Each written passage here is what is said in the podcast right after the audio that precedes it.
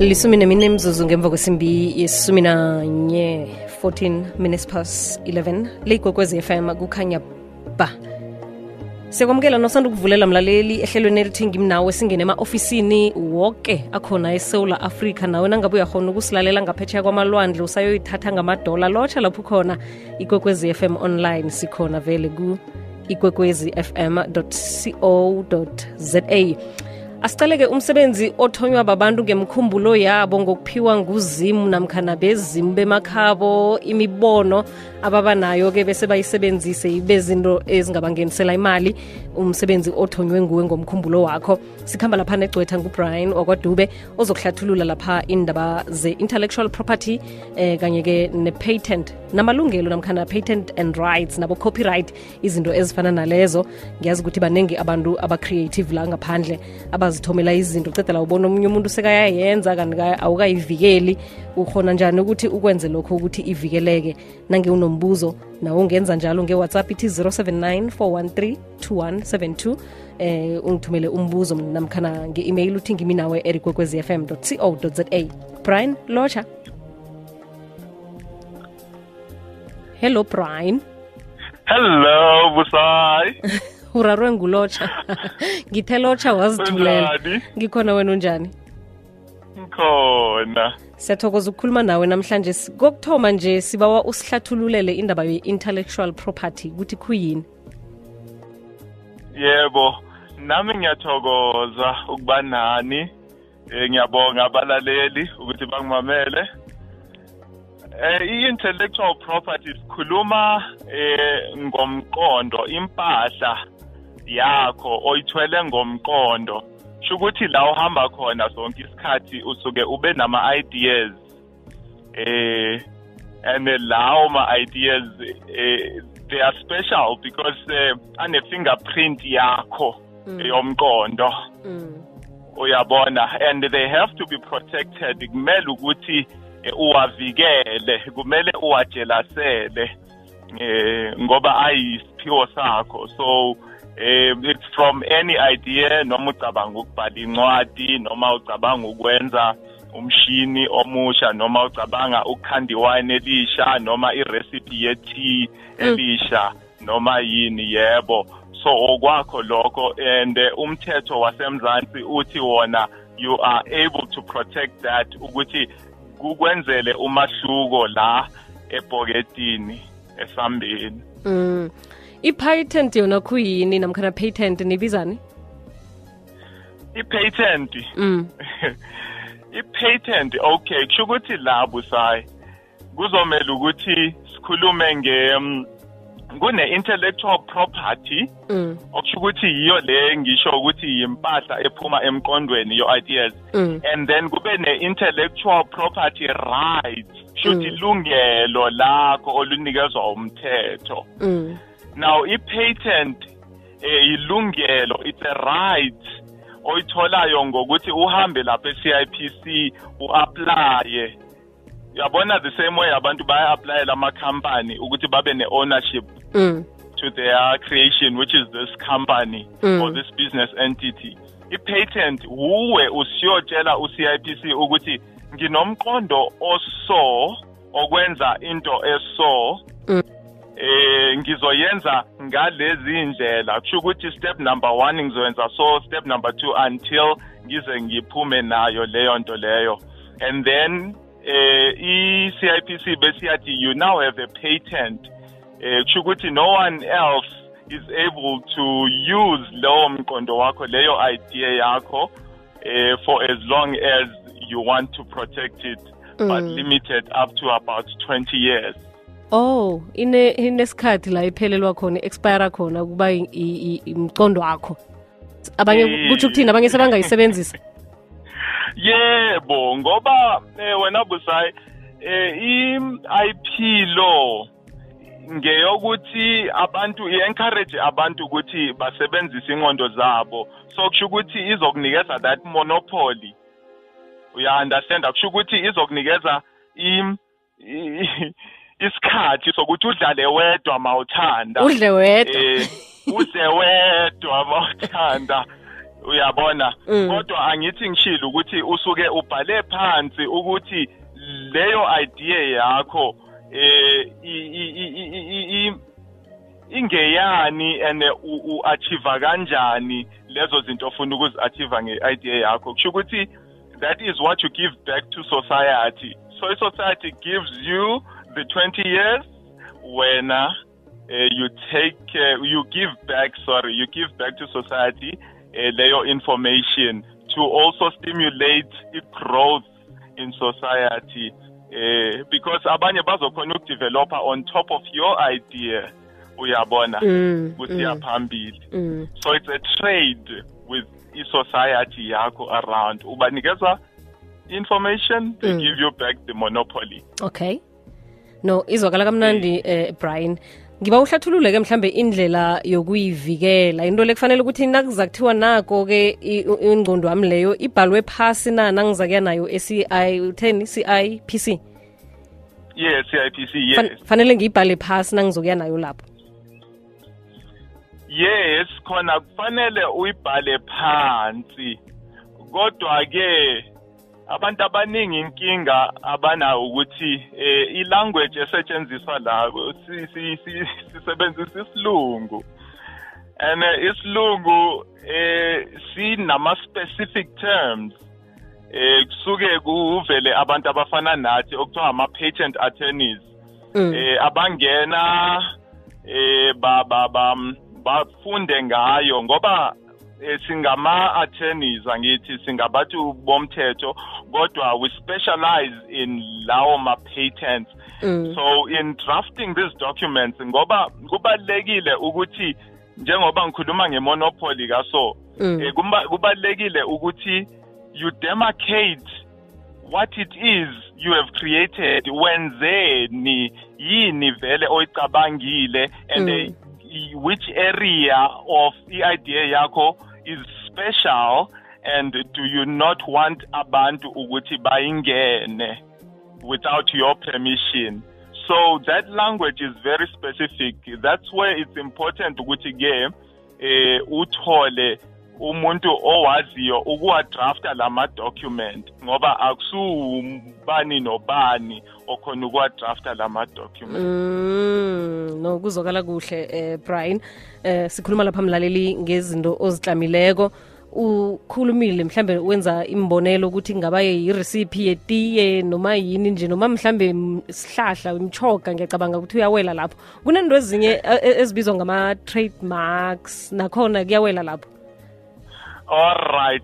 Em masikhuluma nge uyabona busayi uvele wabuza ngepatent. Mm. I-patent is a specific type of intellectual property. Eh kunama categories awe intellectual property. mm.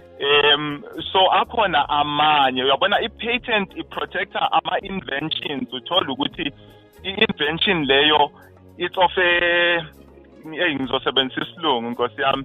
I-technical nature it's of a technical nature. Kusho ukuthi suke kwasebenza ubuchwebe- ubuchwepheshe be-science Mm. eh nobuchwepheshe bama-angles mhlambe wenze itafula elisha elimanga le ndlela and you had to calculate ukuthi hayi cha elami itafula lizolibamba kaso. eh lizobamba kaso isitsha lime kaso nge-angle ka-45 degrees uyabona you are becoming technical there Mm. uyabona i- Mm. i-patent isebenza entweni ezinjalo kodwa i-trademark it's a different kind of intellectual property maningi wona kune-trademark kune-copyright i-copyright ngiyazi abantu baningi abaculayo eh bayazi Mm. Mm.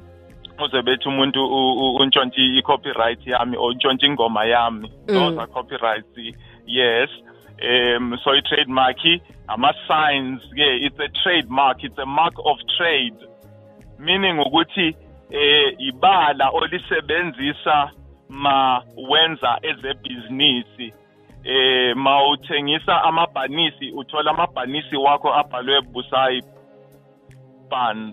Uyabona? Mm. that is wonke umuntu oyibonayo leyo akazibuza ukuthi ngiyakuphi uyazi straight ukuthi ngiyekabusayi leya. Okay. Ubusayi kumele ayithathe ayiregister ukuthi mina eh ngine trademark ethi Busayi ene logo eso. Mm. uyabona? Mm. ukwenzela ukuthi omunye umuntu mayengenza anything engathi ifuna ukufana or ifuna ukusondela kuleyo trademark siyamthumela incwadi. Sithi ima kancane ngoba akusiye yakho leyo i-register. Uyayikhumbula indaba ye-philip eh ngicabangayo ucabanga yona ngalesi sikhathi? Eh. Umuntu angasamane ayithome nje mhlambe angakayibhali phasi omunye ayenze ayibhale phasi iyoba ngiyakabani uyabona i-trademark i-trademark kufanele uyirejeste wena busayo mm. Kufanele uyiregister kufanele uye e-CIPC ubatshele ukuthi eh, ngine trademark eh, ngifuna ukuyisebenzisa Mm. eh emaswidini wami eh bayibhale phansi ukuthi hayi vele ke eh baba- babheke ukuthi futhi ayi ayi conflict Nenye ekhona. trademark Okay. yes okay. Sengi- Uyabona, ngikubuza ngoba brian ukuthi um- umuntu wayenza yena wayenza practical indaba mhlambe omunye ayibone ukuthi iyo into le yihle yena ayenze abe akhe- ngi- ngine-producer la iza noledi kodwa noledi zangaye ipc mina ngayithatha ngaye ipc ngiyakabani ngokomthetho? Uledi uprotected? Ungaba nenhlanhla ukuthi ulisebenzise i-trademark lakho. Practically ungaliregistanga. Ungaba nenhlanhla ukuthi ulisebenzise abantu bangalikopishi kodwa abantu bayikopisha into ephumelelayo. Mm. oh, so kufanele ukuthi umuntu ayenze. Yebo registera ngoba kukhona lokhu ku-trademarks act abayithi yi- yi-well known trademark. Sho ukuthi lisuke liprotectwe ukuthi kudala lisetshenziswa seliyaziwa. Seliyaziwa akekho umuntu asisekho nesidingo sokuthi liregistariwe Mm. uyabona? Kodwa usually you have to be kumele ulisebenzise for isikhathi eside futhi abantu bangalintshontshanga. Kodwa at this day and age ye-technology ma ungasuka ne-trademark sibone nje ku-CIPC ku-database yakhona siyakusearcha vele ukuthi hayi vele lo muntu uregisterile yini? Ngoba nathi siyafuna ngithi ukuthi ezethu izinto esizithengisayo zihambe ngaleli bala leli elinempumelelo elingelakho. So ngakho ke mawubona ngathi unebala eline-potential. Iya e-CIPC uregister sizokusiza thina to make sure ukuthi vele eh ama-conflict ngoba kumele wenze sure ukuthi akuconflict bathi Mm. kunento abayithi freedom to operate. Siyakubhekela ngaphandle sik- sikutshele ukuthi hayi vele eh unayo i- i-freedom you understand Mm. unayo i-freedom akekho omunye onalo elicishe lifane nelakho leli bala Mm. eh siyakusiza ngalokho kodwa ke eh nase CIPC mawungaya ungaqala khona lapho makuwukuthi uyathanda uthi wena vele eh awukhoni mhlambe ukukhuluma namaloya. Lapho kunye abantu bachashiwe emsebenzini ebrian eh athi achashiwe njalo eze nombono aphe ikhampani akhe njenge-issue nasi yabo please call me izinto ezifana nalezo. Asazi ukuthi kwenzakalani kodwana-ke sengibuzela ukuthi ngichashiwe ngithi kwekwezi ningenza sona sona so into leyo ngokuhamba kwesikhathi yenzele ikhampani yakho imali and eningi unamalungelo kangangani ukuthi ingiyakho ngeyakho noma nge- nge- ngeyala usebenza khona kuhle kuhle? Yo amankampani amaningi anekontraki olisayinayo mawuqala uthi uyongena emsebenzini. Eh kuyabhalwa lapho ukuthi kwenzekani ngama inventions owenza usaseyilunga laleyo kampani. Mm. Isikhathi eziningi iyasho inkampani uyisebenzisa amagama amabili kuno cost no scope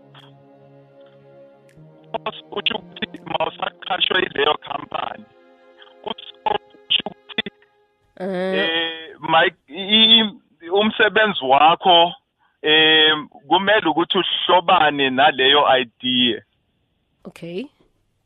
So i-company izothi anything oyicreatayo in the course and scope of your employment. Izobe isho ukuthi um ngestation. mawusaqhashwe yithi mm. uqhatshwe ukwenza 1 2 3 ma ungacreate anything ehlobene naloyo 1 2 3 kusho ukuthi cha ngeyethu.